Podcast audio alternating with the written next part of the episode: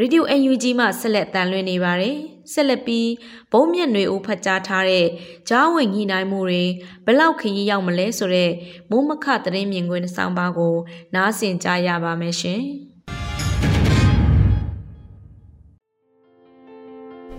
မင်္ဂလာပါခင်ဗျာ။အခုဆက်လက်ပြီးတော့မြန်မာပြည်မှာစစ်တပ်အာဏာသိမ်းပြီး6လ15ရက်မြောက်နေ့မြင်ကွင်းအဖြစ်မိုးမခသတင်းမြင်ကွင်းဆောင်းပါးတစ်ပုဒ်ကို ဖတ်ကြားတင်ဆက်ပေးမှာပဲဖြစ်ပါတယ်ခင်ဗျာကြားဝင်ဆွေးနွေးညှိနှိုင်းမှုတွေဘယ်လောက်ထိခီးရောက်မလဲဆိုတဲ့ခေါင်းစဉ်နဲ့တင်ဆက်ပေးမှာဖြစ်ပါတယ်ခင်ဗျာအခုသတင်းပတ်ထဲမှာတရုတ်နိုင်ငံထိုင်းနိုင်ငံဂျပန်နိုင်ငံတို့ကအစိုးရအဖွဲ့ဝင်ကိုယ်စားလှယ်ဖောင်ဒေးရှင်းဥက္ကဋ္ဌတွေနဲ့အလွတ်တန်းတန်တမန်ဘေးရစ်ချတ်ဆန်ရဲ့ ဒုတိယတစ်ခေါက်သတင်းတောက်ကို လာရောက်ခေါ်ဆောင်တဲ့ခီးစဉ်တွေကသတင်းတွေတဲ့အများစုဖော်ပြနေကြတာဖြစ်ပါတယ်။တန်တမန်တဖွဲ့ချင်းရဲ့ဥတီယာလှုပ်ဆောင်မှုရလဒ်တွေကိုအနှဲငယ်အာယုံစိုက်ကြည့်မယ်ဆိုရင်တရုတ်နိုင်ငံရဲ့အာရှရေးရာကိုယ်စားလှယ်ဆွန်ကော့ရှန်ရဲ့ခီးစဉ်နဲ့ပတ်သက်လို့တော့သတင်းထုတ်ပြန်တာတွေမီဒီယာတွေမေးမြန်းခွင့်တွေမရတာကြောင့်ဘာရလဒ်တွေထွက်ပေါ်လာတယ်ဘာတွေတိုက်တွန်းနေဆိုတာမျိုးထ င်ထင်ရှားရှားမသိရပါဘူးမှန်းဆကြည့်ရင်တော့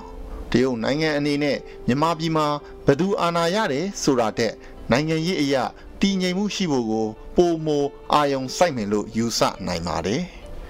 တရုတ်နိုင်ငံရဲ့အိန္ဒိချင်းနိုင်ငံဖြစ်တာရဲ့တရုတ်နိုင်ငံရဲ့အနောက်တောင်ပိုင်းရဲ့အိန္ဒိယသမုဒ္ဒရာထွက်ပေါက်ပေါ်စွမ်းအင်တင်သွင်းမှုဆိုင်ရာလမ်းကြောင်းအနာဂတ်မှာ ကုန်ပစ္စည်းပါတည်ဆောင်နိုင်ဖို့ယထာလန်းဖောက်လုပ်ဖို့တည်ရည်ရွယ်ထားတဲ့အနေအထားခပတ်တကွင်းလန်ဒစင်စီမံကိန်းတွေမှာလည်းမြန်မာနိုင်ငံကပါဝင်နေတာတွေကိုကြည့်ရင်မြန်မာနိုင်ငံရေးမှာအနည်းနဲ့အများဩဇာပေးမှာယုံမားတန်တရားဖြစ်เสียမရှိပါဘူးအခုအနေအထားမှာတော့တရုတ်နိုင်ငံအနေနဲ့မြန်မာအရေးမှာလက်နက်ကင်ပြိပခတွေကိုအခုတက်ပိုပြီးကျယ်ပြန့်လာမယ့်အရေးပါဝင်ပတ်သက်သူပုံမများပြားလာတာ တနိုင်ငံလုံးအတိုင်းအတာနဲ့လက်နက်ကင်ပြိပခတွေဖြစ်လာမှာကို မလိုလားတဲ့စိတ်အခြေခံရှိမယ်လို့ယူဆရပါတယ်စစ်ကောင်စီတစ်ဖက်သေးကိုဆက်ဆံတာမျိုးတဲ့အတိုက်ခံအင်အားစုတွေကိုပါဆက်ဆံရေးလမ်းကြောင်းဖွင့်ထားတာကို တွေ့ရပါတယ်။တိုင်းရင်းသားလက်နက်ကိုင်အဖွဲ့အချို့ပေါ်မှာလဲဩဇာထိုက်လျောက်ရှိနေပြီးအနောက်အုပ်စုနဲ့နီးစပ်တဲ့လက်နက်ကိုင်အဖွဲ့တွေအပေါ်တတိထားဆက်ဆံမှလို့လဲယူဆနိုင်ပါတယ်။ ခုလက်တလောခီးစဉ်တွေမှာအထက်ကလိုနိုင်ငံရေးအယူအဆယက်တီချက်ဆိုတာတွေတဲ့အကျိုးစီးပွားထိန်းချုပ်မှုတည်ငြိမ်ရေးပေါ်အခြေခံပြီးပြောဆိုမယ်လို့ခံမှန်းရပါတယ်။ဂျပန်နိုင်ငံရဲ့နီပွန်ဖောင်ဒေးရှင်းဥက္ကဋ္ဌဖြစ်သူမစ္စတာဆာဆာကာဝါရဲ့ခီးစဉ်ကတော့ဂျပန်နိုင်ငံရဲ့ရင်းနှီးမြှုပ်နှံမှုအကျိုးစီးပွားတချို့မြန်မာနိုင်ငံမှာရှိသလိုဂျပန်ကမြန်မာစစ်ကောင်စီပေါ်မှာတချို့သောတိုင်းရင်းသားလက်နက်ကိုင်အဖွဲ့ ဥပမာရခိုင်တပ်မတော်လိုမျိုးနဲ့ရင်းနှီးတဲ့ဆက်ဆံရေးနဲ့ရခိုင်ပြည်နယ်မှာလက်နက်ကင်ပြိပခအရှိန်ရော့အောင်စ조사တာမျိုးတွေလှုပ်ဆောင်တာတွေ့ရပါတယ်။အရင်နှစ်ရွေးကောက်ပွဲပြီးကာစကာလကလေးကရခိုင်ကနှုတ်သဘောတူညီမှုအပြည့်အခက်ကိစ္စတွေရွေးကောက်ပွဲမကျင်းပနိုင်ခဲ့တဲ့မြို့နယ်တွေမှာကျင်းပဖို့တိုက်တွန်းတာတွေလုပ်ခဲ့တဲ့ဖြစ်စဉ်တွေရှိပါတယ်။အခုတစ်ခေါက်မှလည်း AA အဖွဲ့နဲ့စစ်ကောင်စီတပ်တွေအကြားလက်နက်ကင်တိုက်ပွဲတွေပြန်မပေါ်ပေါက်လာဖို့နှစ်ဖက်ကိုတိုက်တင်းပြောဆိုတယ်လို့ဆိုပါတယ်ထိုင်းနိုင်ငံရဲ့ဒုဝန်ကြီးချုပ်ခီးစဉ်အကြောင်းတော့အဖက်ဖက်မှထုတ်ပြန်တာမရှိသလိုဘာအကြောင်းဆွေးနွေးကြသလဲဆိုတာမသိရှိရပါဘူးလက်တလောအနေအထားအရဆိုရင်ထိုင်းနိုင်ငံမှာ တော်တော်များများအခြေစိုက်နေထိုင်ကြတဲ့အတိုက်ခံနိုင်ငံရေးသမားတွေအဖွဲ့အစည်းတွေနဲ့ပတ်သက်တဲ့ကိစ္စတွေကိုစစ်ကောင်စီဘက်ကဖိအားပေးတာတွေရှိကောင်းရှိမယ်လို့မှန်းဆကြည့်နိုင်ပါတယ်။ထိုင်းနိုင်ငံအနေနဲ့အိမ်ကြီးချင်းဖြစ်တာနေဆက်တလျှောက်တိုင်းရင်းသားလက်နက်ကိုင်၃ဘွဲ့၄ဘွဲ့မက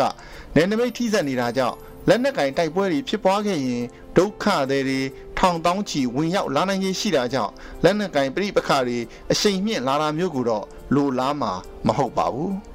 လက်ရှိနိုင်ငံရေးအကြက်အတဲမှာတော့ထိုင်းနိုင်ငံလဲစစ်တပ်အနေနဲ့ဖွဲ့စည်းပုံကြီးအောင်နီးမျိုးမျိုးနဲ့အာဏာချုပ်ကင်နိုင်အောင်လုပ်ပြီးအာဏာရထားတာဖြစ်လို့မြန်မာအစိုးရနဲ့ဥတီမှုချင်းတူကြတယ်လို့ဆိုနိုင်ပါတယ် မြန်မာနိုင်ငံလိုတော့စစ်တပ်ကနိုင်ငံရေးမှာကြီးစိုးထားပေမဲ့ထိုင်းနိုင်ငံကကြာရှုံးနေတဲ့နိုင်ငံတစ်နိုင်ငံမဟုတ်ခဲ့ပါဘူးအမေရိကန်လွတ်တန်းတန်တမန်ဘီလ်ရစ်ချစ်ဆန်ရဲ့အမေရိကန်နိုင်ငံသားသတင်းတောက်ဒန်နီဖန်စတာကိုလာရောက်ခေါ်ဆောင်တဲ့ခီးစဉ်ကအများမျှော်လင့်မထားတဲ့ခီးစဉ်ဖြစ်ပါတယ်။ပြီးခဲ့တဲ့သတင်းပတ်ကုန်းမှာထောင်ဒဏ်17နှစ်ချမှတ်ခံရတဲ့ဒန်နီဖန်စတာကို3ရက်ကြာပြီးနောက် တနင်္လာနေ့မှာရုတ်တရက်လွတ်ပေးလိုက်တဲ့သတင်းဟာအားလုံးကိုအံ့ဩသင့်စေခဲ့ပါတယ်။အမေရိကန်အစိုးရအနေနဲ့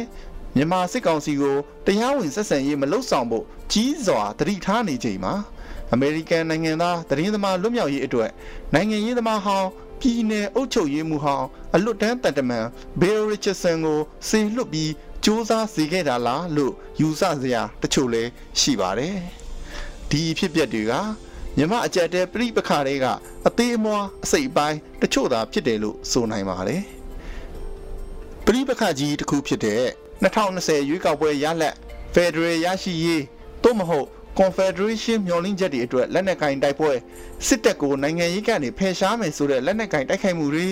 ကြီးရွာတွေမြို့နယ်တွေပြည်နယ်တွေအလိုက် အမဲလိုက်တနက်လိုတူမီတွေစတင်ကင်ဆွဲပြီးလက်နက်ကင်တိုက်ခိုက်နေကြတဲ့ပြိပခါကိုနိုင်ငံရေးလမ်းကြောင်းနဲ့ဖြည့်ရှင်းဖို့ပြန်လဲပြောဆိုညှိနှိုင်းကြမလားဆိုတာကတော့မေးခွန်းကလွယ်ကူသလောက်အဖြေကိုဖြေဆိုနိုင်မဲ့သူလောလောဆယ်မရှိသေးတဲ့သဘောလဲဖြစ်ပါလိမ့်မယ်ဆိုတဲ့အကြောင်းဖတ်ကြားတင်ဆက်လိုက်ရပါတယ်ခင်ဗျာ